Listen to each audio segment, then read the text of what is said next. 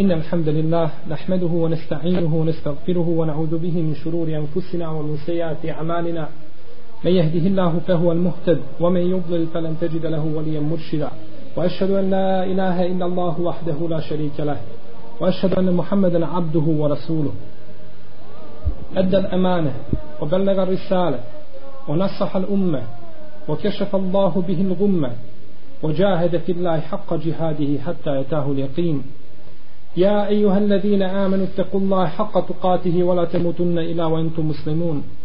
يا أيها الناس اتقوا ربكم الذي خلقكم من نفس واحدة وخلق منها زوجها وبث منهما رجالا كثيرا ونساء. واتقوا الله الذي تساءلون به والأرحام. إن الله كان عليكم رقيبا. يا أيها الذين آمنوا اتقوا الله وقولوا قولا سديدا. يصلح لكم أعمالكم ويغفر لكم ذنوبكم ومن يطع الله ورسوله فقد فاز فوزا عظيما. أما بعد فإن أحسن الكلام كلام الله وخير الهدي هدي محمد صلى الله عليه وسلم وشر الأمور محدثاتها وكل محدثة بدعة وكل بدعة ضلالة وكل ضلالة في النار. Draga moja braćo, mi ćemo večeras malo zastati sa našom serijom predavanja o neredima.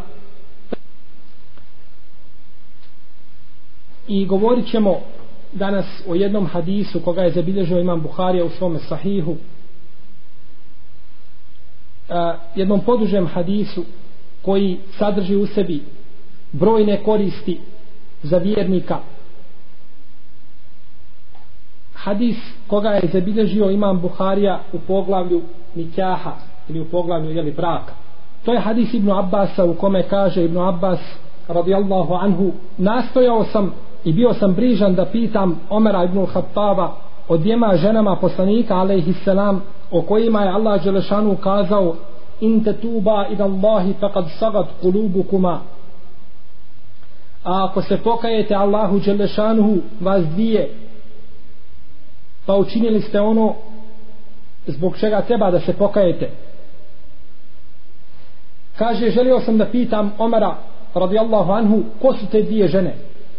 Pa kaže nisam imao prilike sve dok nismo izišli zajedno da obavimo hađ. Kaže kada smo bili na putu Omer radijallahu anhu je skrenuo sa tog jeli glavnog puta malo u stranu da obavi nuždu pa sam kaže izišao za njim i nosio sam vodu. Nakon što je Omer obavio nuždu kaže ja sam mu polijevao jeli kaže na ruke da je uzeo abdest. Pa mu je tada Ibn Abbas rekao o vladaru pravovjernih kaže želio bih da te pitam o te dvije žene koje Allah Želešanu spomenuo u Kur'anu o kojima kaže in te tuba ila Allahi pa kad sagat kulubikuma pa je Omer radijallahu anhu pogledao Ibn Abbas i rekao mu čudno je to tvoje pitanje o Ibnu Abbas. Zbog čega ti to pitaš? To su kaže Ajša i Hapsa potom je Omar radijallahu anhu nastavio da priča Ibnu Abbasu jeli jednu dužu priču. Odnosno povod objave zbog čega je li kazan ovaj ajet ili priču koja se veže za ovaj ajet. Kaže bio sam ja i moj prijatelj moj komšija Ensarija pa smo kaže išli kaže kod poslanika sallallahu alejhi ve sellem jedan dan išao on jedan ja. Pa kaže kad bi on otišao taj dan ja bi obavljao svoje poslove koje sam imao. Pa bi on najveće meni jeli, u kratkim crtama ispričao šta je čuo od poslanika sallallahu alejhi ve sellem od objave bilo da se radi o Kur'anu ili hadisu. A drugi dan bi išao Omer pa bi isto tako prenio jeli, Ensari ono što je jeli, čuo. A jednoga dana kaže Omer sišao je taj Ensarija njegov i vratio je znači Omeru vijesti od onoga što je čuo. Potom je Omer sišao i vratio Ensari nazad vijesti koje je čuo. Pa je Omer radi Allahu anhu nastavio govoriti Ibnu Abbasu pa kaže a mi smo kaže bili kaže kurejšije bili smo kaže grubi prema svojim ženama. Pa kada smo, kaže, došli u Medinu, našli smo, kaže, našu braću Ensarije, kaže da se lijepo ophode prema svojim ženama i lijepo postupaju. Pa su, kaže, naše žene počele da uzimaju od tog edeba i toga hlaka od tih ensariki. Pa su i one počele, jele, jeli da se osjeti i njihova riječ i njihova uloga, jeli, u porodici ili u braku. Pa mi je, kaže, jednog dana došla moja žena, nešto mi se obratila, Omer radijalo Hanhu priča, trebala je nešto od mene, kaže, pa sam je, kaže, oštro ukorio. I rekao, zbog čega mi se obrećaš? Otkud ti pravo da me nešto pitaš? Kaže ona, tako mi Allaha, kaže žene Allahovog poslanika, alaihi salatu wasalam, se kaže njemu obraćaju, kaže kad mu neka, ne, kad neka nešto treba od njega. Kaže ne samo to, već kaže neka razljuti poslanika i kaže napusti ga, onaj heđer učini, izolira se od njega, kaže po cijeli dan. Ne obraća se poslaniku, alaihi salatu wasalam. Kaže Omer, pa me je to, kaže, prestrašilo i prepalo. Rekao sam, propala je ona koja to čini. I uistinu je ona na velikom gubitku. Kaže, potom sam skupio svoju, kaže, odjeću. I kaže, otišao sam, jeli, do Hafse, do svoje, jeli, čerke. Pa je pitao Hafse, kaže, da li uistinu neka od vas naljuti poslanika, alaihi salatu wasalam, tako da biva on, da omrkne, jeli, ljutit. Kaže, jeste, tako je. Pa je rekao Omer radijallahu anhu, kaže, u istinu je propala koja to radi. Upropašćena je koja je tako čini. Zar se kaže ne bojiš da će Allah Đelešanu da se razljuti zbog kazne svoga, zbog ljutnje svoga poslanika, alaihi salatu wasalam, pa da te uništi zbog toga i da budeš upropaštena. Kaže, nemoj tražiti od poslanika, sallallahu alaihi wasalam, kaže puno. I nemoj ga, kaže, napuštati. Nemoj se ljutiti na njega. Kaže, ako nešto trebaš, kaže, traži od mene. I nemoj, kaže, da te to zavarava što je, kaže, tvoja komšinica, to jeste Ajša, kaže, ljepša od tebe i draža poslaniku, alaihi salatu wasalam. Kaže, Omer dalje nastavlja, kaže, i mi smo pričali između sebe ashabi, kaže, da Gasan treba da napadne ashabe, da napadne jedne muslimane u Medini i pripremao je zato jeli sebi vojsku. Pa kaže jednoga dana kada je bilo vrijeme tom mom jeli komšijem Ensari da on ide slušati vijesti, kaže sišao je i kaže vratio se nazad, kaže došao je i snažno pokucao na moja vrata. Pa sam otvorio i pitao šta je? Kaže danas se desilo jeli nešto veliko. Velika stvar se desila danas kaže šta je to? Je li ga sad već došao? Je li već napao Medinu? Kaže nije kaže još gore od toga. Kaže šta je? Kaže poslanik alaihi salatu wasalam je pustio sve svoje žene dao im talak svima. Pa je Omer radijallahu anhu rekao propala je Hafsa, je li čerka Omerova i upropaštena je. Kaže ja sam u istinu pomišljao da bi se tako nešto moglo desiti. Pa sam kaže pokupio svoju odjeću i sišao sam klanjao sabah namaz i ušao sam kod poslanika sallallahu alaihi wasallam a on je bio kod jednog bunara odvojio se od ashaba. I htio je da uđe no međutim nije mogao to je bio jedan čuvar jedan dječak koji je čuvao poslanika kom je poslanik rekao da ne dozvoli nikom da uđe. Potom je pokupio se otišao kod Hafse i upitao je našao je da plače pa je upitao što, što te to rasplakalo? Pa nije ništa odgovorila. Kaže, zar ti nisam govorio, kaže, da se dobro čuvaš. Kaže, je vas to pustio poslanik sa osrem svije? Sve. Kaže, ne znam. Hapsa odgovara svome ocu Omeru, kaže, ne znam da li nas je poslanik pustio. Kaže, eto ga tamo, kaže, poslanik, ali i srto sram, kaže, odvojio se kod svoga bunara. Kaže, pa sam izišao da ga pitam, kaže, izišao sam do Mimbera prvo, pa sam tamo našao, kaže, tu jednu, kaže, skupinu ljudi, kaže, koji su sjedli i plakali. Potom sam, kaže, rekao o tome dječaku da želim da uđem kod poslanika sallallahu alaihi sallam. Pa je pitao jedan put, poslanik ništa nije odgovorio. Pa drugi put, pa treći put, tako dalje. Kada je treći put Omar radijallahu anhu htio da se pokupi, da se vrati nazad, dozvolio mu je poslanik sallallahu alaihi sallam da uđe, da uđe kod njega. Kaže, kad sam ušao kod poslanika alaihi sallatu wasalam, kaže, našao sam ga, kaže, kako spava na jednoj jeli, polici, a sve crte od te police se bile presvetale na njegovo jeli, tijelo. Potom sam, kaže, rekao, o Allahu poslaniće, jesi li, kaže, ti pustio svoje žene? Rekao je, podigao je svoju glavu prema njemu i rekao, nisam. Pa sam rekao, kaže Omer, pa sam rekao, Allahu ekber.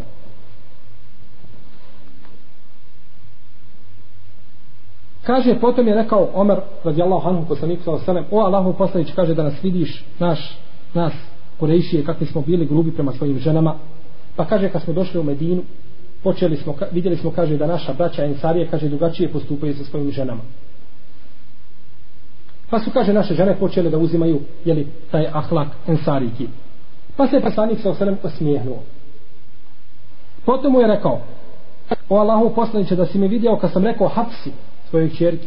Nemoj da se varaš i da se zavaravaš to što je ova komšinica njena, to jeste Ajša draža poslaniku od nje same i što je lepša od nje. Pa je poslanik Alehi Salatu Salam potom se ponovo smijehnuo na te riječi. Kaže, Omer, kad sam to vidio, kaže, onda sam sjeo. Pa sam, kaže, podigao svoju glavu i pogledao prema kući poslanika sa osanem, jeli prema onome što on posjeduje, kaže, pa sam vidio da nikakvih dunjalučkih dobara nema. Ama baš ništa. Pa sam mu rekao, o Allahu poslaniće, dovi kaže Allahu Đelešanuhu da nam malo, da nas malo obogati u pogledu ove materije, u pogledu dunjaluka. I da umet cijeli obogati. Jer kaže, vidimo, kaže, Rum i druge nevjernike, kaže, kako su bogati i Allah im dao svašta, a mi nemamo tih dunjalučkih materijalnih dobara. Kaže, pa je poslanik sam bio nastavljen, kaže, pa je ustao to jeste sjeo je, jel? Kaže, zar si ti to rekao o sine Hatabo, koje ste, kamo sreće da je to kazao neko drugi? Kaže, to je narod, kaže, koji, koji je požurio sve svoje hajrate i dobrote, kaže, na Dunjaluku. Pa sam rekao, o Allahov poslaniće, traži od Allaha Želešanu oprosta meni.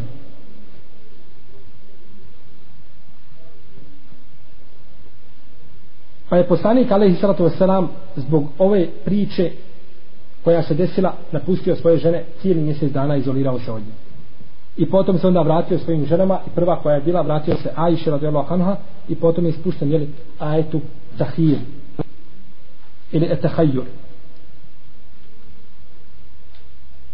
Znači ovo bi bio e, ukratko ovaj hadis znači neke smo sitnice izostavili koje možda ne bi imale veze s onim o čemu ćemo govoriti.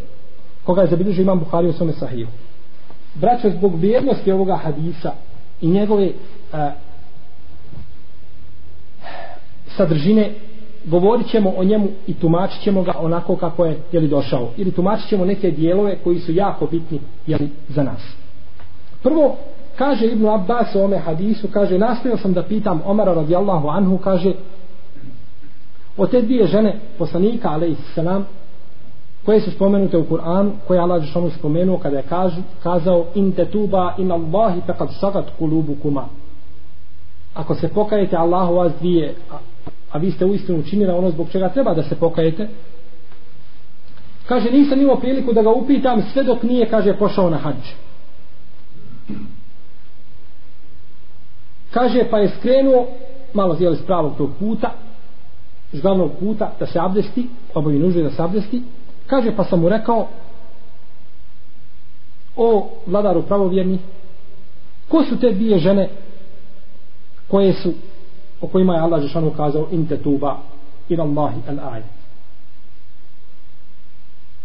u hadisu koga je zabilježio imam Etaj Alisi kaže se da Ibn Abbas je mu rekao o vladaru pravovjerni kaže ti hoću da te pitam nešto već godinu dana, ali ne mogu naći prilike da te upitam o tome.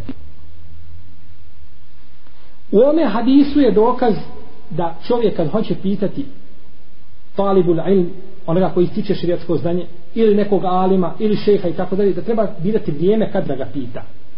Vidimo kako je Ibn Abbas. Godinu dana u Medini nije našao priliku da pita Omar radijallahu anhu. Jer je htio priliku da to bude prilika za to pitanje. Ne da to bude u bilo koje vrijeme. I to je poznato kod islamskih učenjaka da su oni tako radili. Tražili su vremena kada će pitati. A oni koji su pitali u nevrijeme, možda su ponekad dobili grub odgovor. Pa se prenosi da je Ibnu Huzeime jedne prilike izišao, a sa njim je bio uvijek njegov uč, učenik Ibnu Hidban. Ibnu Huzeime Ibnu Hidban, svaki ima jel po svoj sahih. Ibnu Huzeime je umro 318. hijđarske godine, a Ibn Hibban 354. A znači Ibn Huzeyme učitelj Ibn Hibbana, a Ibn Hibban je učitelj Hakima koji je umro 405. hijđarske godine. A Hakim je učitelj Bejhertija koji je umro 458. godine. Vidimo taj lanac islamskih učenjaka, tih zlatnih generacija. Izišao je znači Ibn Hibban sa svojim profesorom Ibn Huzeymom i non stop ga je pitao, ispitivao. I ovome je to dosadilo. I jednog dana je toliko ga pitao da je ovaj njemu rekao teneha anni jabari. Kaže, otkači se od mene dosadniče jedan. Pa je Ibn Hibban uzeo i zapisao to. Kažu, pišeš, kaže to, tako nešto pišeš, kaže, tako mi Allaha neću dozvoliti, kaže, da iziđe jedna jedina riječ iz usta moga šeha, a da ja ne zapišem. Pa je to zapisao i ponosio se i time. Suleiman el Ameš, jedan poznati islamski učenjak, prenosilac hadisa, nazvan je el Ameš zato što je imao Ameš, Ameš u arapskom jeziku znači treptanje puno, koji je treptao puno očima. Suleiman Rameš bio je poznati muhaddis, hadijski stručnjak, kome su dolazili ljudi da uzmeju hadis od njega. Pa su ga puno ovaj veliki su pritisak vršili na njega, on nije imao toliko vremena da im da. Jer oni su znali, to znali po desetine i desetine ljudi da spavaju ispred kuće šeha i da čekaju da on iziđe da čuju nešto bez obzira na kišu i na sve ono što bi zadesilo od nedaća, to nije bitno, bitno je samo da čuju ono što hoće. A čini su više od toga, putovali su preko kontinenta, danas možda što se putuje prevoznim sredstvima, možda po nekoliko dana, oni su to putovali na kamile da bi čuo samo jedan jedini hadis. Da bi ošao na kraju do toga, da, od koga je dopro hadis, da bi ovaj rekao na kraju, ja to nisam kazao. I tako da bi sam vratio prazni ruku nazad. Kaže, ovaj Ameš je tako, a ovaj, ovu priču je zabilježio imam El Khatib El Bagdadi u svojoj poznatoj knjizi Šerefu Ashabil Hadith kaže taj Ameš je imao znači te svoje učenike pa je htio da ih se riješi da ne dolaze tako pa je sebi kupio jednog psa kada bi god oni došli pred vraškom on bi pustio psa na njih i oni bi pobili jednoga dana prikradali su se kući Ameša kako su god prilazili nema psa pa priđu do kapije nema pa do vrata nema psa pokucaju Ameš otvori vrata. Kad je vidio zaplače, kažu profesore zbog čega plačeš, šta se desilo? Kaže umro je onaj koji je pozivao na dobro i odaćao zla. To jeste umro je čuko. Umro je pas koji je pozivao na dobro i odaćao zla. Pozivao na dobro u njegovu korist. Nije dozvolio jeli, da ga ometaju. Znači, ovdje vidimo da je od edeba i od da kažemo nekakve kulture, da čovjek bira vrijeme kada će pitati je li nešto profesora. Kaže Ibn Abbas dalje, ovdje Omer kaže Ibn Abbas, znači, kaže čudno li je to tvoje pitanje Ibn Abbas, zbog čega ti to pitaš? Hoće ukazati ovdje na a, a, ovaj Ibn Abbasa kao učenjaka. Ibn Abbas je bio poznat po tumačenju Kur'ana i da niko nije bio na njegovom stepenu. Ne poslanik njemu dobio gospodaru moj, pouči me, pouči ga, kaže ovaj, te vilu Kur'ana, tefsiru Kur'ana ga pouči i hikmetu, mudrosti, sunnetu. I svi su se vraćali Ibn Abbasu. Kažu ashabi, kad bi se različio na čemu, vratili bi se Ibn Abbas da nam oni presudi. Najučeni ashabi. No, međutim, vidimo da je Ibnu Abbas ne zna sve. Da ga može promašiti ponešto. Jedne prilike bilježi Buharija u svome sahihu da je Omer radijallahu anhu došao među u jel, jednu, jedan međlis, jedno sjelo, gdje se i sve kaže učesnici bedra. Možete misliti ko su učesnici bedra. Pa je uveo Ibnu Abasa tu, među njih. Pa su neki od njih osjetili nešto u svojim dušama. Zbog čega je on uveo ovoga dječaka? Mi imamo sina ko njegovih godina ili starijeg od njega. Pa zbog čega je on uveo toga dječaka među nas? Došlo u drugom predanju da je to a, ko, je, ko se usprotivio tome bio je Abdurrahman ibn Auf. Zbog čega? Kaže, mi imamo djecu već, veću od nje. Mi smo učesnici bedra. A Omar radijallahu anhu, Omar, mudar, hoće da im pokaže ko je Ibn Abbas. Kaže Ibn Abbas, znao sam da im hoće da im pokaže ko sam ja. A nisu oni ništa dogovarali ni dvojica. Između Ibn, između Omara, Ibn Abbasa nema dogovora. Pa je ušao pa je upitao ashabe te učesnike Bedra, kaže šta mislite o riječima Allaha Đelešanuhu Iza jae nasru Allahi wal fetih ورأيت الناس يدخلون في دين الله أفواجا فسبح بحمد ربك واستغفره إنه كان توابا kaže kada dođe Allahova pomoć i pobjeda i vidiš ljude da u skupinama kao jedan u Allahovu vjeru ulaze slavi i veliča ime gospodara svoga u istinu je ona, on taj koji mnogo oprašta pa je upitao ashabe šta mislite o, o ovoj suri? Zbog čega je objavljena? Pa su ashabi počeli tepsiriti kaže jedan od njih jedni su šutali a jedni su počeli da daju komentare. Kažu objavljena je Allah žanu govori o tom fadlu i toj dobroti kada ljudi počnu ulaziti u Allahu Đelešanu u vjeru da trebamo slaviti gospodara uzvišenog i da ga trebamo veličati da tom nijemeto i toj blagodati. I kaže to je naredba od uzvišenog gospodara i tako dalje. Znači koristili su razumni a, a, a, a, tefsir ono što smo mogli razumjeti svojim razumom iz tog ajeta i ništa više od toga. Pa je upitao Ibn Omar kaže Ibn Abbas kaže a šta ti kažeš Ibn Abbas o tome? Slažeš li se ti sa ovim što su rekli učesnici Bedra? Kaže ne slaže kaže a šta ti to smatraš? Kako ti to teciriš ovu suru? Kaže ta sura je, kaže, naznaka smrti poslanika, alaihi salatu wasalam. Naznaka smrti. Kako? Iza džaje nasrullahi wal fetih. Vorajte, nase jedhulune fi dinim lahi efuvađa. Kad dođe Allahova pomoć i pobjeda i vidiš ljude da u skupinama ulaze u vjeru. Kad dođe Allahova pomoć i pobjeda, kad se upotpuni vjera i din i islam ispliva bude gornji i vidiš ljude kako ulaze u islam. Ne treba više poslanik alaihi salatu wasalam tu kao poslanik. Vjera je upotpunjena, objavljena. Ljudi ulaze u vjeru znači misija poslanika se tu prekida. Vidimo šta je Ibn Abbas razumio. Kaže Omar radijallahu ta'ala anhu tako mi Allah kaže ne smatram ništa nego to što smatraš. Tako ja vidim da je tefsir jeli, toga tog ajeta. Kaže znači Omar radijallahu anhu potom nastavlja Ibn Abbas govoriti. Kaže imao bio sam ja i moj komšija Ensarija koji smo išli kaže kod poslanika sa osanem pa smo se mijenjali U ome hadisu je, braćo, dokaz da čovjek koji hoće stiti znanje ne mora biti slobodan samo za učenje. Može znači raditi nešto i učiti. Najbolje je da radi. Ali ako ne može, onda će spojiti između ta dva hajda. Pa će raditi i učiti. Ali neće zapostaviti učenje nikako.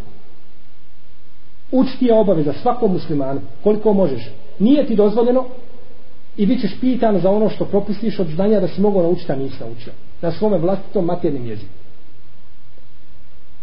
A Braće da vidite islamski učenjaki kako su bili. Ibnul Mubarek.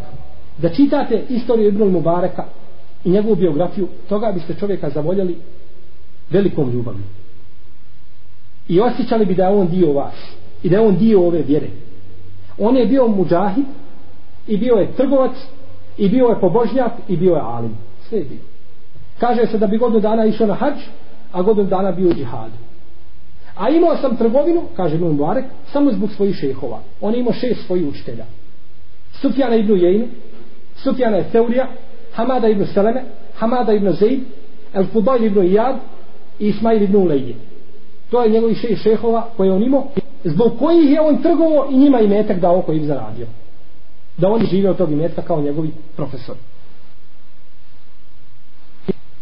Jedne prilike došao mu je čovjek i dao mu je Ibn Mubarak dao mu je deset dirhema. Pa su mu kažali zbog čega si mu dao ti deset dirhema? Kaže taj jede pečeno meso. Taj prženo meso jede a ti mu dao deset dirhema. Kaže vallah u istinu kaže tako vam Allaha kaže u istinu jede on kaže prženo meso. Kažu da on jede prženo meso. A ti možda po nekoliko dana ne vidiš komad kruha kaže u tako mi Allaha, onda je to kaže greška onda sam mu kaže treba dati stotinu dirhema Jer kaže ona koja je naviko da ide prženo meso, takom treba više. Vidimo fikha, kakav je fik bio ovoga učenjaka. Nije kazao, e nije mu trebalo dati ovaj, da ga proklinje i tako dalje. Možda bi neko kazao, danas da Bog da mu za lijekove trebalo. Ha? No međutim, on kaže, trebao samo kaže dati, kaže stotinu, kaže dirhema, jer on jede prženo meso. Znači, kaže ovdje, Omer radijallahu anhu, Kaže, nismo, kaže, bili, kaže, u džahilijetu, Kurejšije, kaže, davno smo bili, a tako je ostalo je ta, a, a, ta, to njihovo svojstvo, ta čudi je ostala i nakon, jeli, nakon Islama. Kaže, bili smo grubi prema svojim ženama. Nismo, kaže, dozvolili svojim ženama, kaže, ama apsolutno nikakva prava. Nisu ona imala prava. Navodi se u predajama, kaže, niste, kaže, miješale, kaže, u naše poslove. Nisu imale pravo da, da se miješaju ono, jeli, o čemu mi a, razmišljamo, jeli, i če, čime se bavimo. Čak kaže, u jednom hadisu, kaže, kad gleda sebo neki potrebu svoje žene, prišao bi uzeo potrebu i kaže, opet se, jeli, odvojio, odvojio od nje. Pa kaže, kada smo dolazili, kaže, kada smo došli u Medinu, kaže, vidjeli smo, kaže, da je to obrnuto. Da ensarike imaju, ovaj, možda veći, veći utjecaj na ljude. Nego oni što imaju utjecaj na njih. Pa su žene, po prirodi žena, ženska priroda je takva, počele su da uzmaju taj ahlak i to ponašanje, pa su one pokušale, jeli, da primjene ono što su radile ensarike. Kaže Omer radi Allahanu, kaže jednoga dana, kaže došla mi je, kaže moja žena, kaže i nešto mi tražda, kaže pa sam uzeo prut, kaže pa je udario. Pa mi je rekla, kaže, zašto ti kaže, se ljutiš, o sine Hatabov, kad ja nešto tražim od tebe? Zbog čega se ljutiš?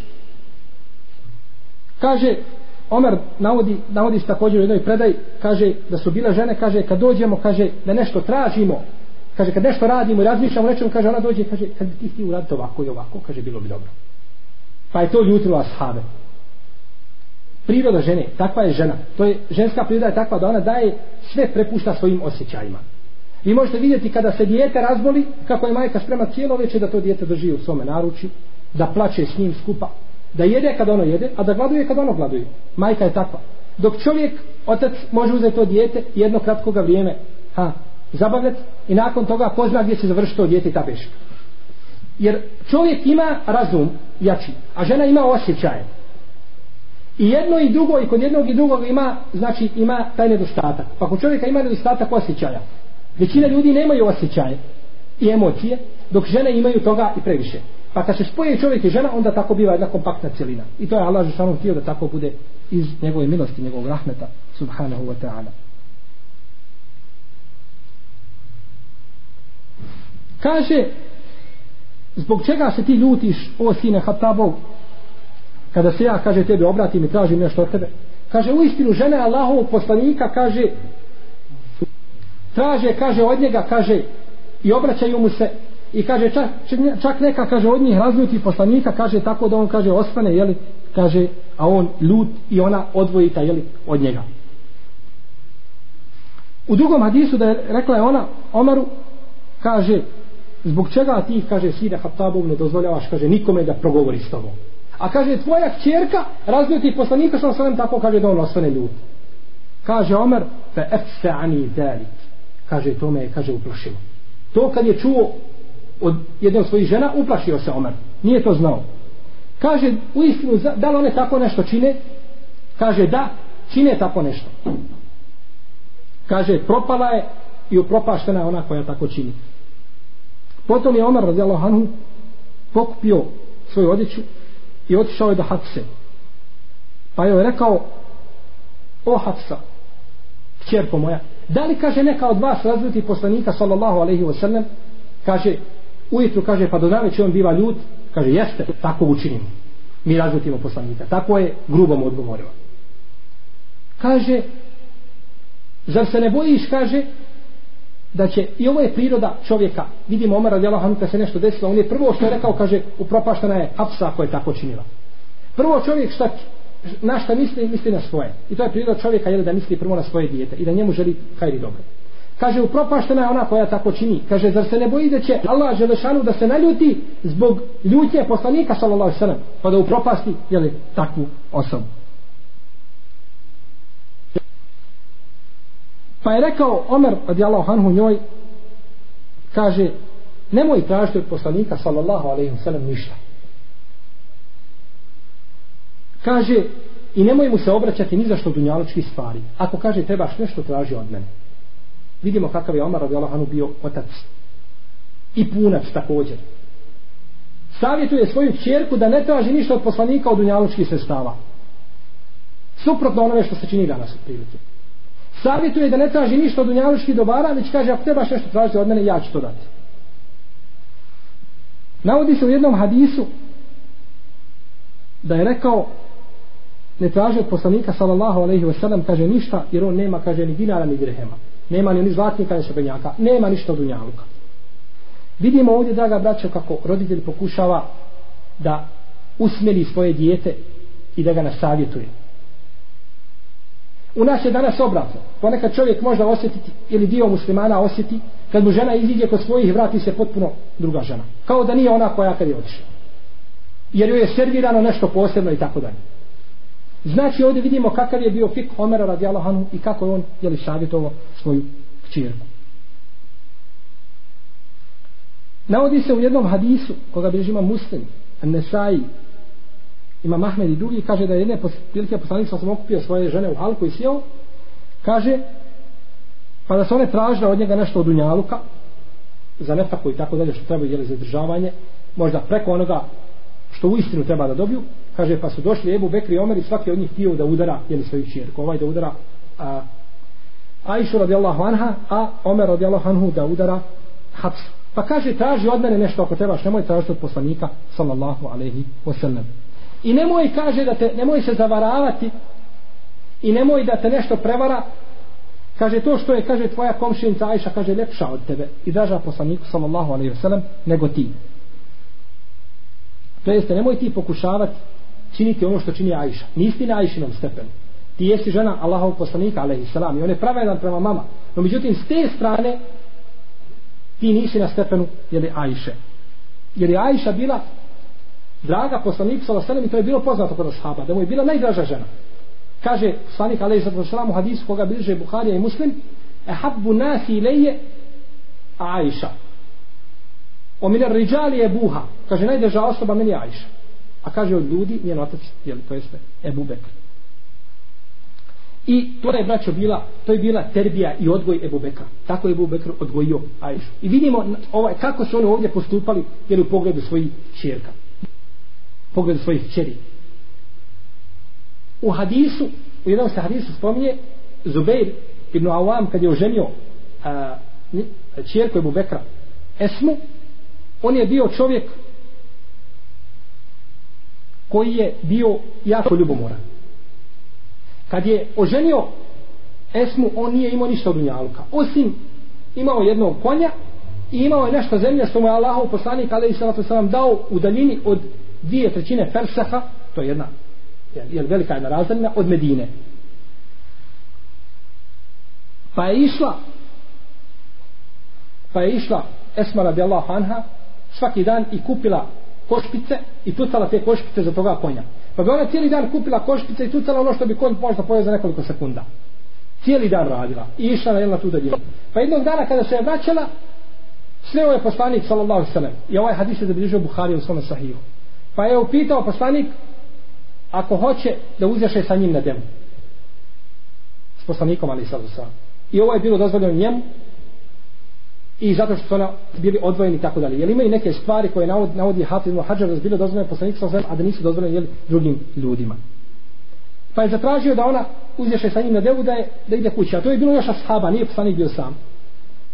Pa je, kaže, ona rekla, sjetila sam se, kaže, ovaj, bilo mi neprijatno, kaže, da idem sa ljudima, i sjetila sam se, kaže, ljubomore Zubeira. A Zubeir je bio strašno ljubomoran čovjek. Kad je došla kući, ispričala njemu šta se desilo, pa kaže on, tako mi Allaha kaže to nošenje tvojih tih kaže košpica i hodanje po zemlji kaže su meni kaže gori kaže nego da si jahala sa poslanikom ali i alejhi ve i za poslanika jel kako ja mogu da budem ljubomoran u pogledu na poslanika sallallahu alejhi ve i kažemo on je bio takav bio ljubomoran imao je dvije žene znao ih je vezet Esmo još jednu veže i zajedno i onda udara oba dvije. Iz svoje ljubomore prema ženama. Pa kada jedne prilike Esma radi Allahu anha požalila se Ebu Bekru na to. Šta joj kaže Ebu Bekr? Požalila se na šta? Na to da je udara Zubeir. Kaže irđi'i ilaihi fa inne Zubeira ređulun salih. Kaže vrati se njemu.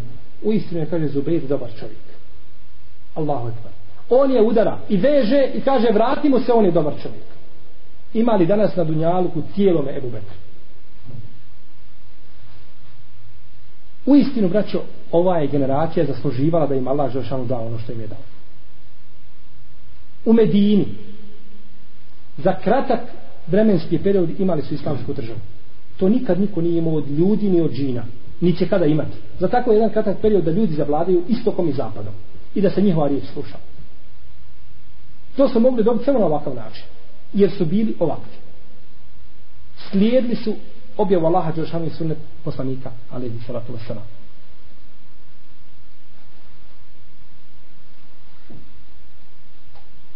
I zato kažemo ovdje poslanik alaihi salatu wasalam je imao poseban respekt prema Ajši. Ajša radijallahu anha imala jeli pod njega posebno mjesto.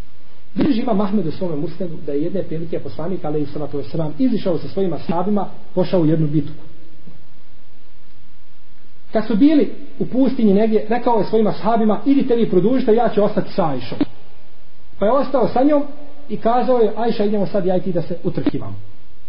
Poslanik, sallallahu sallam, čovjek u zreloj dobi, možda ide ka onoj svojoj starosti, a ona djevojčica mlada i poslanik sa osvijem se utrkiva. Zamislite taj prizor. Poslanik se utrkiva sa Ajšom po pustinji.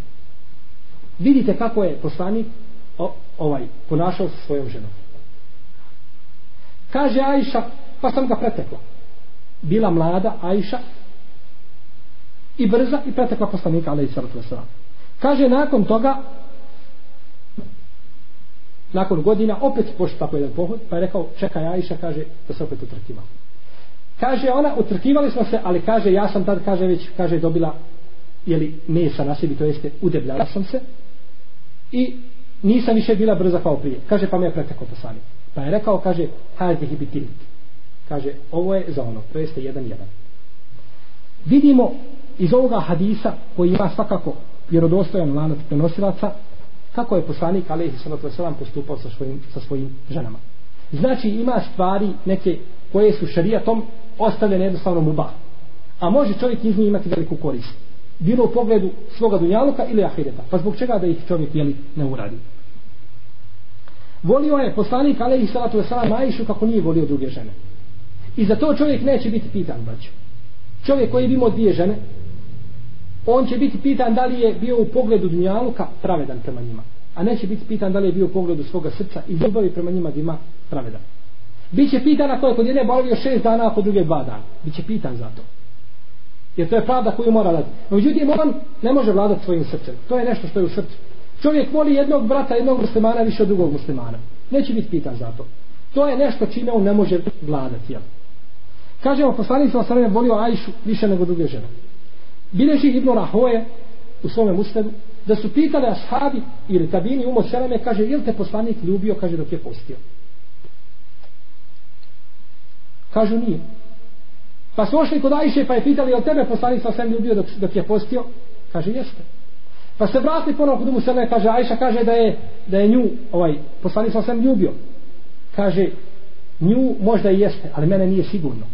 Kaže onda, la'allahu ma jete ma lekuha hubba,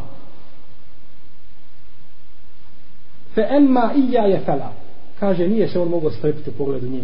Od ljubavi, od žestine ljubavi, koliko je volio, kaže, nije se mogao strpiti prema njoj. A kaže, što se tiče mene, mene nikada nije poljubio dok sam postila. Također, kada bi neka od žena poslanika, alaihi sallatu wasalam, naljutila poslanika, šta bi učinila?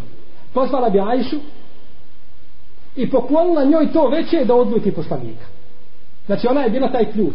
Samo ona znala obraditi poslanika i da ga odljuti i da ga naljuti. Znači ona je držala te konce u svojim rukama. Pa bi došla ta žena, jedne prilike konkretno Hafsa je došla kod Ajše i poklonila joj svoju noć samo da odljuti poslanika. Došla Ajša jednog dana i namirisala se i približila se blizu poslanika. Pa je poslanik pogledao u nju i rekao joj, kaže, i lejki je Ajša. Lej se hada jeumuki. Kaže, Ajša, odmakni se od mene. Ovo nije tvoj dan. Poslanik je imao, jeli, devet žena. Umro je, imao je devet žena. Odnos je imao sa 11 žena, a oženio je svega skupa 13 žena. Kaže, odmakni se Ajša, ovo kaže nije tvoj dan danas. Zbog čega se približi? Namirisala se, nema što pravo da činiš, jel? Jer to nije tvoj dan. Pa kažemo Ajša, zalik je fadlu Allahi tih ime ješa. Kaže, to je Allahova dobrota i fadlu, kaže, daje to kome hoće. Hoće sama sebe da pohvali, da je njoj ova poklonna noć da ona odluti poslanika, alaihi salatu veselam. Kaže Omer radijallahu anhu dalje, kaže, pričali smo, kaže, da će ga sam da napadne, kaže, ashabe, jeli da napadne stanovnike Medine. A to je bio jedan, Gasan je bio jedan od posljednjih ovaj, a, kraljeva ove vizantijske ili Persije. A, Persijske Vizantije. Kaže, kad je došao taj Ensarija, kad je pokucao vrata, upitao sam ga šta se desilo, jer kaže, ni stigao jedna seć napao i tako dalje, kaže, nije desilo se nešto gore od toga. Šta je, kaže poslanik je, alaihi salam, pustio svoje žene. Kaže, Omer, teško se hapsi. Ona je propala i upropaštena. Kaže, ja sam zamislio da se tako nešto moglo desiti. Vidio je, znači, opomenuo je zbog čega jedna ljuti poslanika sa osanem, pa kaže, ja sam razmišljao da bi se moglo tako nešto desiti, da poslanik sa osanem pusti svoje žene. Potom je sišao do Hafse, našao je da plaće, je li pitao je zbog čega plaće, ona nije znala 100% da li je poslanik, je li pustio njih sviju. Potom je ošao do poslanika da pita, pa nije mogao, je li ući, nego nakon, je li trećeg puta, što je ušao. Poslanik je ovdje mjesec dana, on se odvojio od svojih žena. Nije nikako prilazio ni jednoj od svojih žena. Zbog a, toga što su one navele poslanika da sebi zabrani ono što mu je Allah Želešanu dozvolio. Kaže Allah Želešanu Ja ejuhan nebi lima tu harrimu ma ehalallahu lek tebtegi mardate ezvađik kaže ovo poslaniće, o vjerovjesniće, zbog, zbog čega ti sebi zabranjuješ ono što ti je Allah dozvolio, tražeći, kaže, zadovoljstvo svojih žena. Razišli se islamski učenjaci ili mufesiri zbog čega je objavljen ovaj ajet. Šta je to poslanik zabranio sam sebi? Pa bilježe Buharija i muslim u svome sahihu da je poslanik sallallahu alaihi wa sallam bio kod Zeynebe bintu Đahš jedne od svojih žena i da je jeo kod nje med. Pa su to uočile Ajša i Hafsa Pa se dogovorile njih dvije da kažu kod koje prve uđe da ona kaže iz tvojih se usta osjeti kao da si jeo smolu.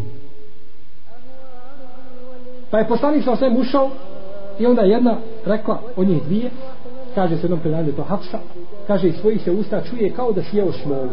Pa je poslanik sa osvijem rekao nisam jeo smolu a tako me Allah nikad više neće jesti med. Pa je sam sebi zabranio med.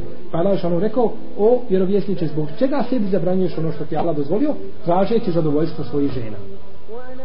To je znači uh, jedna verzija u pogledu objave ovoga aja. Pa je vidjela da ova hrani medom. Poslanik sa Pa je došla pa kazala Ajša hrani ga medom. Pa je Ajša radijallahu anha rekla drugim ženama poslanika sallallahu alaihi wasallam kaže kad dođe poslanik kod vas kaže recite mu da se iz njegovih usta čuje kao da je jeo smolu pa su kaže tako je li kazale pa je kaže onda poslanik to sebi zabranio da neće jest rekao da neće više jest med i onda ga Lašanu a, a, blago ga kori zbog čega sebi zabranjuješ ono što ti je Allah Đelešanu je li dozvolio. لننساكم أنتم نور هز كياني كم يحزوني شوق إليكم أنتم لحن I prenosi se također u jednoj predaj da je kaže a, jedan dan poslanik bio kod Hapse i to je bio njen dan. Pa je ona pitala poslanika da ode da posjeti Omara radijallahu anhu svoga oca. Pa je pustio. Kada je ona izišla, poslanik sallallahu alaihi sallam je uveo jednu od tih sluškinja i robkinja u njenu sobu i zaključao vrata. Kada se vratila Hafsa od posjete svoga oca Omara, poslanik je izišao, a sa njegovog lica je kapao znoj. Pa ga je pitala zbog čega to čini u njenoj sobi. Na njenoj postavi. I ukorila je poslanika, jel, zbog tog postupka. Pa je poslanik sallallahu alaihi ve sellem rekao, kaže, svjedočim, kaže Allahom da je ona meni haram. Neću više prilaziti toj sluškinji. Samo kaže da to ostane između nas.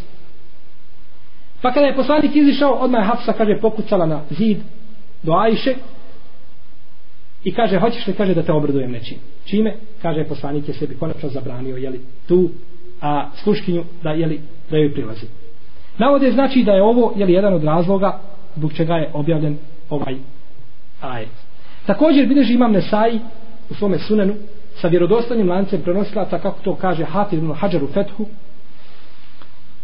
od Enesa, da je poslanik, alaihi salatu veselam imao znači jednu sluškinju koja se zvala Marija. Koju je pilazio, imao odnos sa njom pa se Hafsa i Ajša dogovorile i napravila znači tu spletku da on nju sam sebi zabrani. Znači ovo je potvrda jeli, ome prethodnim, prethodnom predanju. I također slično predanje ome bilježi Sejid ibn Mansur u svome sunanu.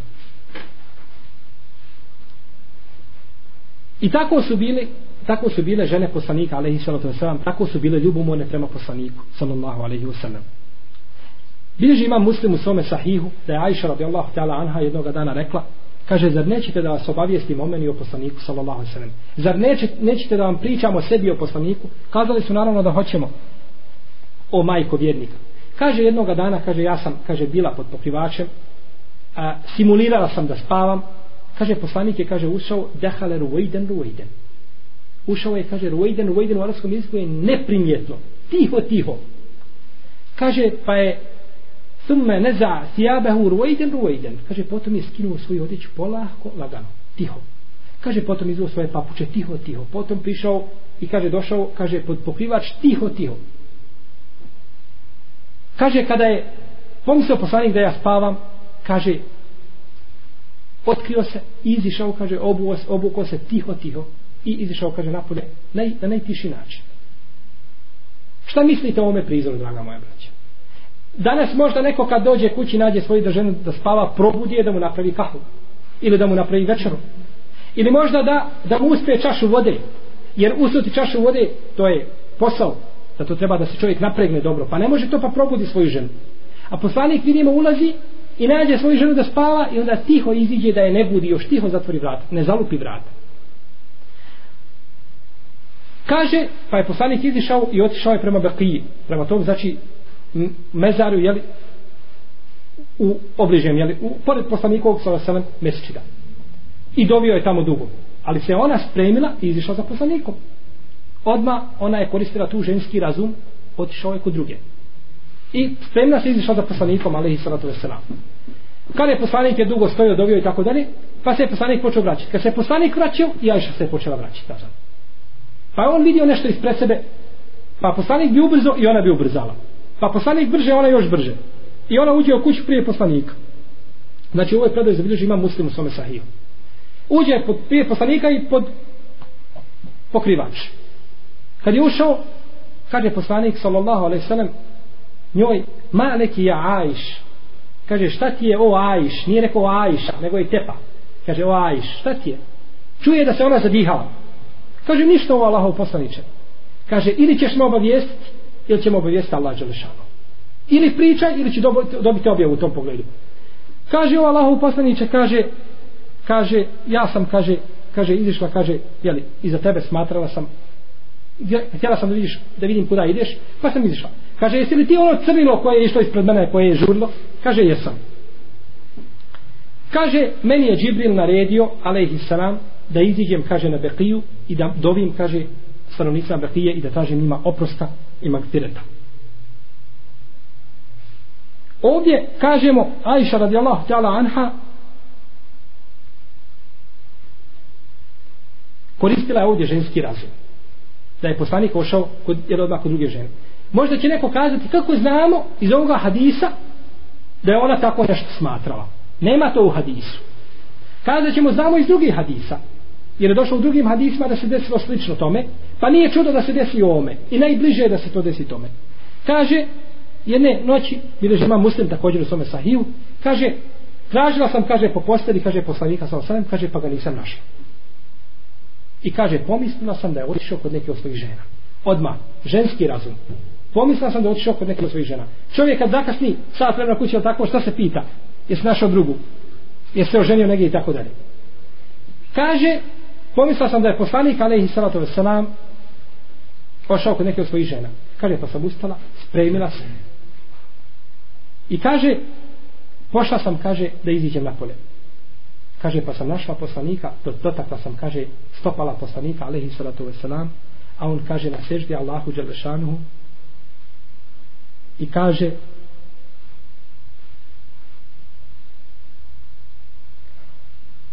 i kaže subhanake bihamdike la ilaha ila ente kaže slavljen neka si ti gospodaru moj i tebi svaka hvala pripada nema Boga osim tebe.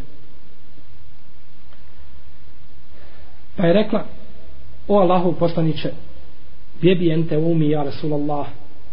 Kaže o Allahu poslaniće ti si moj otac i moja majka. Tako se ona obraćala poslaniku alaihi salatu wasalam u istinu kaže ti u jednom poslu a ja kaže razmišljamo potpuno drugoj stvari ona razmišlja da je poslanik alaihi salatu veselam ustao i ošao kod neke od svojih žena. A poslanik sallallahu alaihi na seđdi dovi i moli svoga gospodara. Takve su bile braće njihove kuće. Oni nisu imali sobe i sobe spratove i spratove. Nego je soba Ajše bila tolika kaže da poslanik sallallahu alaihi sallam kad bi činio seđdu kaže ja bi morala skupiti svoje noge. Pa kad poslanik ponovo ustane na kijam kaže ja tek onda pružim svoje noge nije imao poslanik gdje činiti seždu ako bi Ajša spavala takve su im sobe bile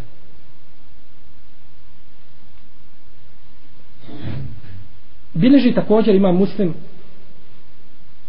u svome sahihu da je poslanik alaihi salatu veselam izišao jednog dana od Ajše.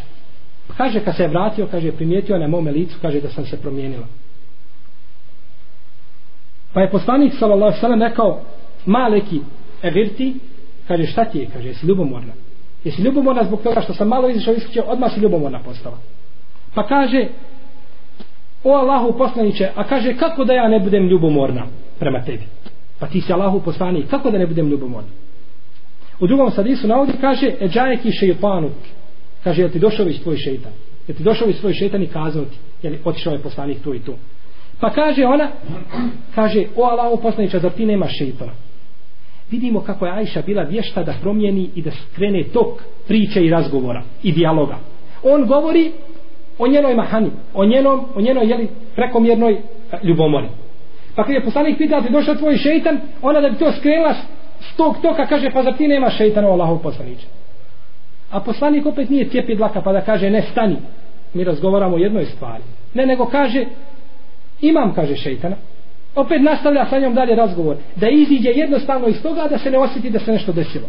To je uputa poslanika alaihi salatu wasalam kaže kaže imam šeitana kaže no međutim kaže Allah Žešanu je kaže pomogao kaže pa je on primio islam. I kaže ne navodi me nego jeli samo na dobro i na hajr.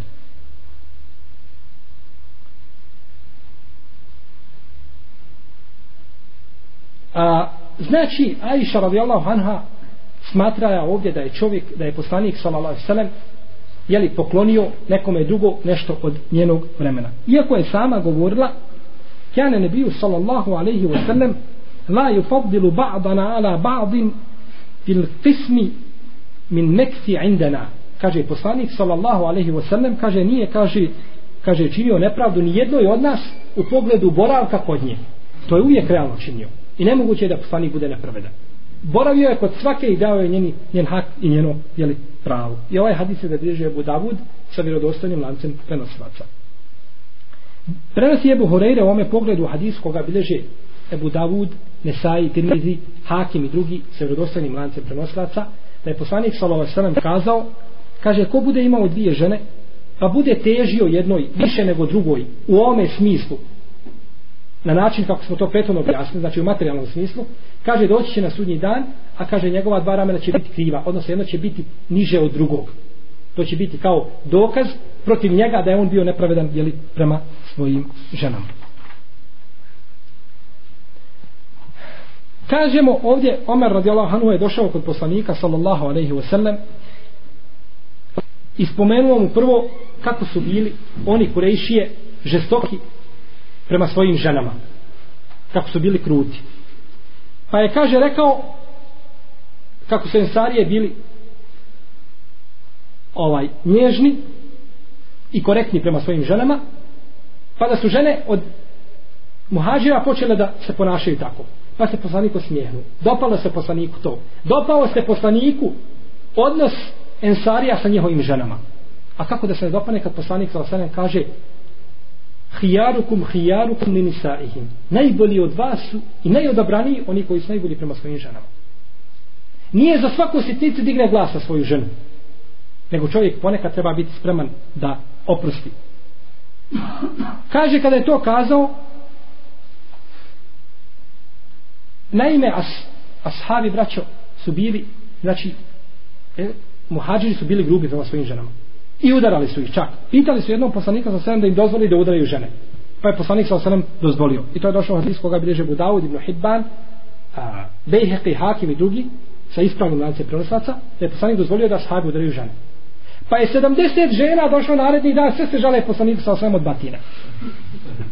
Kaže poslanik, ali i wasalam, danas je, kaže, meni došlo 70 žena, sve se žale, kaže, da su dobile, jeli, batine. Pa kaže poslanik, sallallahu alaihi wasallam, kaže, to nisu najbolji. To nisu odabrani ashabi. Ti koji udaraju žene, nisu odabrani. U hadisu koga bilježi Ibn Hibban u svome sahihu navodi se da su sahabi tražili od poslanika sallallahu alaihi wasallam da udaraju svoje žene. Pa im je dozvolio. Pa jedno večer je poslanik ostao malo u noć kratko pa je čuo nekakvo e, viku i urlanja i tako dalje. Pa upitao šta je to? Pa kaže o Allahu poslanič kaže ti si dozvolio da ashabi udaraju žene. Pa su ashabi se prihvatili posla. Međutim, ovdje poslanik sa ostanem je zabranio nakon toga da ljudi udaraju žene. Da čovjek udara žene. Da ljudi da udaraju svoje žene.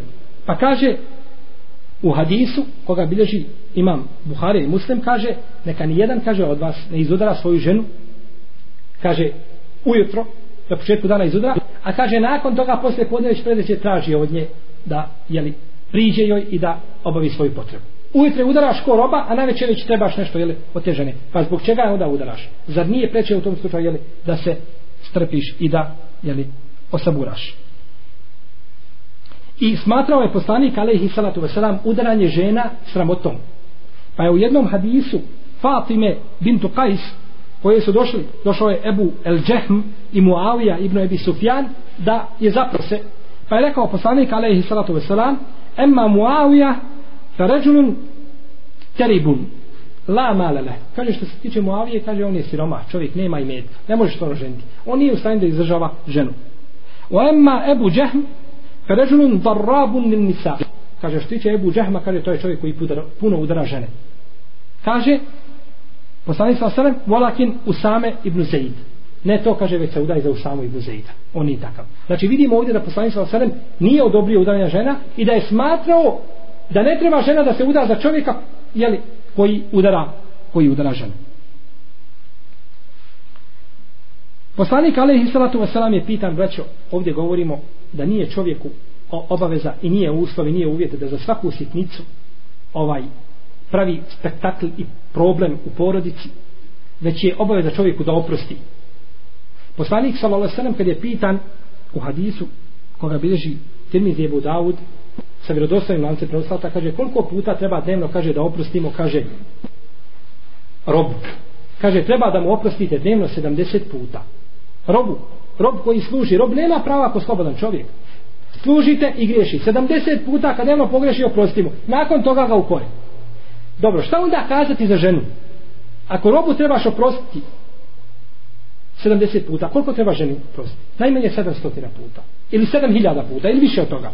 Kad toliko puta pogreži, oprostio ako pretjera, onda je u kori. Znači, kažemo, nije uvjet da čovjek mora za svaku sitnicu osuditi. Mora čovjek, jeli, biti a, ovaj, imati rahmeta u svome srcu i da može oprostiti. Danas je takva situacija da čovjek kad oprosti svojoj ženi ili kad joj se osmijehne u lice ili kad joj kaže lijepu riječ da taj dan treba zapisati u knjigu i ukvirti to dobro jer to se desilo i da uvijek se to može prigovoriti da se to desilo toga i toga dana jer to se neće ponoviti Allah najbolje zna kada će ponoviti a vidimo da uputa poslanika sallallahu alaihi sallam nije bila takva već i da je pustio i znao je prirodu. Priroda žene je takva. Jednostavno čovjek se mora pomijeti da je priroda žene takva. I svi znamo prirodu žene. I prema tome mora čovjek raditi jeli, shodno toj prirodi. Sada se ovdje kaže da je žena stvorena od onoga krivog dijela rebra. Jeli. Kaže ako je koristiš takvu kriva, koristit će ti. Pa ćeš nekad trpiti možda i jezik, nekad ćeš trpiti možda i ponašanje, nervozu, i tako dalje trpit ćeš. E to je ta krivina. A kaže ako je pokušaš, kaže ispraviti, onda ćeš ga slomiti. Pa nećeš imati ništa. Nećeš ti to znači moći popraviti. Ti ne možeš popraviti te čudi. Ti možeš nastojati promijeniti neke stvari, no međutim čud je ta jedna. I to ostaje. I to čovjek mora biti spreman te stvarnosti i svjestan te stvarnosti da bi radio sa ženama. Što se tiče ovdje, braćo, udaranja žena, ovdje bi samo još osvrnuo se na hadis u kome, koga zabilježi ima muslim, Tirmiti u Šemailu, Ibn Mađe i drugi, u hadisu Ajše da je kazala, kaže, nije poslanik ma barebe Rasulullahi sallallahu alaihi wa sallam hadimen lehu qat wala imraeten wala darebe bi jedihi šejen qatu illa en uđahide fi sebidillah kaže nije poslanik sallallahu alaihi wa sallam nikada udario nikoga svojom rukom. Nikada nikoga. Niti kaže slugu. Enes ibn Malik ga je služio deset godina. Nikada, ne da ga nije udario nikada mu nije kazao zbog čega nisi uradio to zbog čega si uradio to. Nikad ništa, apsolutno. To nije sluga, to je vladar onda.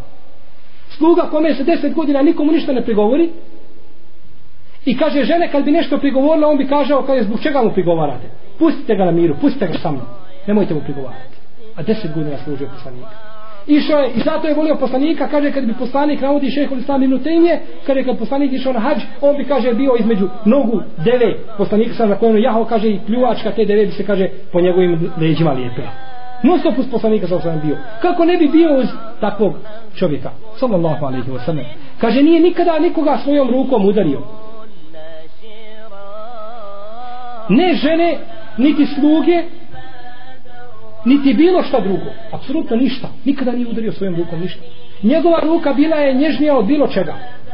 Kaže Enes kaže nikad nisam da tako kaže ni svile ni bilo kog materijala kaže tog platna da je kaže bilo kaže nježnije od kože poslanika sa njegovo tijelo je bilo kako kaže Enes imalo je miris kaže jači od bilo kog miska i možsa i ambera, bilo čega, kaže bio nejači. Čak je kaže u Museleme da je uzmala znoj sa leđa poslanika i miješala ga sa svojim miskom da mu pojača njegov miris. To je bio Allahov vjerovjesnik, alaihi sallatu wasalam. Zar takav čovjek nije zaslužan da se slijedi? فتح الله علينا كل باب ذي امتناع وحبنا كل مجد فاق في كل الرباع فتح الله علينا كل باب ذي امتناع وحبنا كل مجد فاق في كل الرباع طلع Zar takav čovjek nije zaslužan da on napravi islamsku državu i da on bude onaj preko koga će biti dostavljena poslanica čovječanstva. Kažemo nije Allahov poslanik alaihi salatu wasalam nikoga udario. A što se tiče ajeta u kome Allah Đelešanu kaže ar riđalu kawamune an-nisa bima faddala Allahu ba'dahum ala ba'd o bima enfaku min amwalihim. kaže u istinu je Allah dželešanu dao je taj kivamet i tu odgovornost čovjeku u porodici. I on je taj koji se pita jer on kaže izdvaja svoj metak on je taj koji se pita. Salihatu qanitatun hafizat. Lil gajbi bima hafiz Allah a one dobre žene iskrene prave vjernice koje čuvaju gajb i čuvaju svoga muža u njegovom također osustvu kaže ako se bojite od tih žena da će vam biti nepokorne kaže poslanik sa osanem fa'iluhun vi ih kaže nasavjetujte. Wahđuruhunne fil mabađe i kaže odbojite se sa njima u njihovoj posteli vodribuhun i udarite ih. Ovdje Allah Želešanu kaže da žene ko, za koje se čovjek plaši da će biti nepokorne ili su već postale nepokorne kaže na savjetujte ih. Prvo savjet, lijepa riječ. Fejluhune vaz, vazite im lijepo im se obratite. Ne uspije to vahđuruhun. Odvojite se sa njima u njihovoj posteli ne uspije ni to odribuhune udarite ih. Kako se udaraju kaže islam slučajstvo tepsire kaže udariše mi svakom malo po ramenu. Po licu ne smiješ nikako udarati, to je zabranjeno. Poslanik sam sam rekao da se lice ne smije poniziti, ne smije se udarati. Ne smije se udarati da ostaju ožiljci. Da ide krv i slične stvari. Znači to je bilo samo udarac poput djeteta, nešto kao mali jedan ukor. Tako se znači žena udara. Fe in atanekum fela tebgu alejhinne sebila. A kaže kad vam se one pokore, nemojte kaže prema njima kaže da nekorektno postupate. Inna Allahe kjare alijen kebira. Kaže u istinu je Allah Đelšanu kaže ovaj uzvišeni velik. Zašto ovdje Allah što kaže uz, istinu je Allah uzvišeni velik? Jer ti udaraš svoju ženu i ti si tad jak. I ti si tad u tom slučaju ti si nepravednik i izražavaš i ispoljavaš svoju snagu. A Allah Đelešanu je uzvišeniji i Allah Đelešanu je veći i jači od tebe. Pa kako ti udaraš tog nejakog groba, tako može Allah Đelešanu da učini s tobom. A kako ti oprostiš tom nejakom robu, tako Đelešanu ono može oprostiti tebi i u džennete, jeli, uvesti. I kaže poslanik alaihi salatu wasalam nemoj kaže da vjernik kaže mrzi vjernicu to čovjek muž da mrzi svoju ženu kaže zbog neke stvari koju vidi. Sitnica koju vidi. Niko nije idealan. Niko nije savršen u tom pogledu. Čovjek je stvorio čovjeka Allah je stvorio čovjeka od krvi mesa. Dao mu je pozitivna i negativna svojstva i svaki čovjek to ima I kaže, nemoj da vjernik zbog toga zavrzi svoju ženu. Kaže, ako nađe kod nje in kerihe minha hulukan radije minha ahar. Kaže, ako bude mrzio kod nje jednu stvar, naće drugi x stvari koje voli. Pa ono što voli poklopi ono i pokrije ono što ne voli i jeli, stvar opet ide svojim jeli, tokom. Jednoga dana Allahu poslanik alejhi salatu vesselam je bio kod jedne od svojih žena Pa je druga žena postala poslaniku sa osalem, i ovu priču je zabilježio Buhari u svome sahiju, poslala je poslaniku jednu posudu sa hranom. Poslanik toga dana treba da jede kod te žene kod koje boravi. No međutim, ova žena da bi izazvala jeli, ovaj, a, ljubomoru, kod druge, poslala je tom poslanik sa osam hranu, kao boji se da on neće jesti kod žene kod koje boravi. Pa kad je donio to sluga, ta žena je prišla i udarila po toj posudi i odmah je razbila i ta se sva hrana prosula po zemlji. Možete zamisliti tog prizora, draga moja braća. Poslanik sam kad je to vidio, šta kaže? Razljutio se poslanik? Kaže, gare tom mukom. Kaže, vaša se majka razljutila. Žene poslanika su majke vjernika. En nebiju eula bil mu'minine minen fusihim, wa ezvađuhum mehatuhum, kaže Allah Đelešanu. Vjernik je, Allah, kaže poslanik je preči vjernicima od njih sami, a njegove žene su njihove majke. Ne mogu ženiti žene poslanika nakon njegove smrti nikako. Ona je majka, majke vjernika. Kaže, razljutila se vaša majka. Ne, nego kaže, ljubomorna vaša majka. Samo to i ništa više.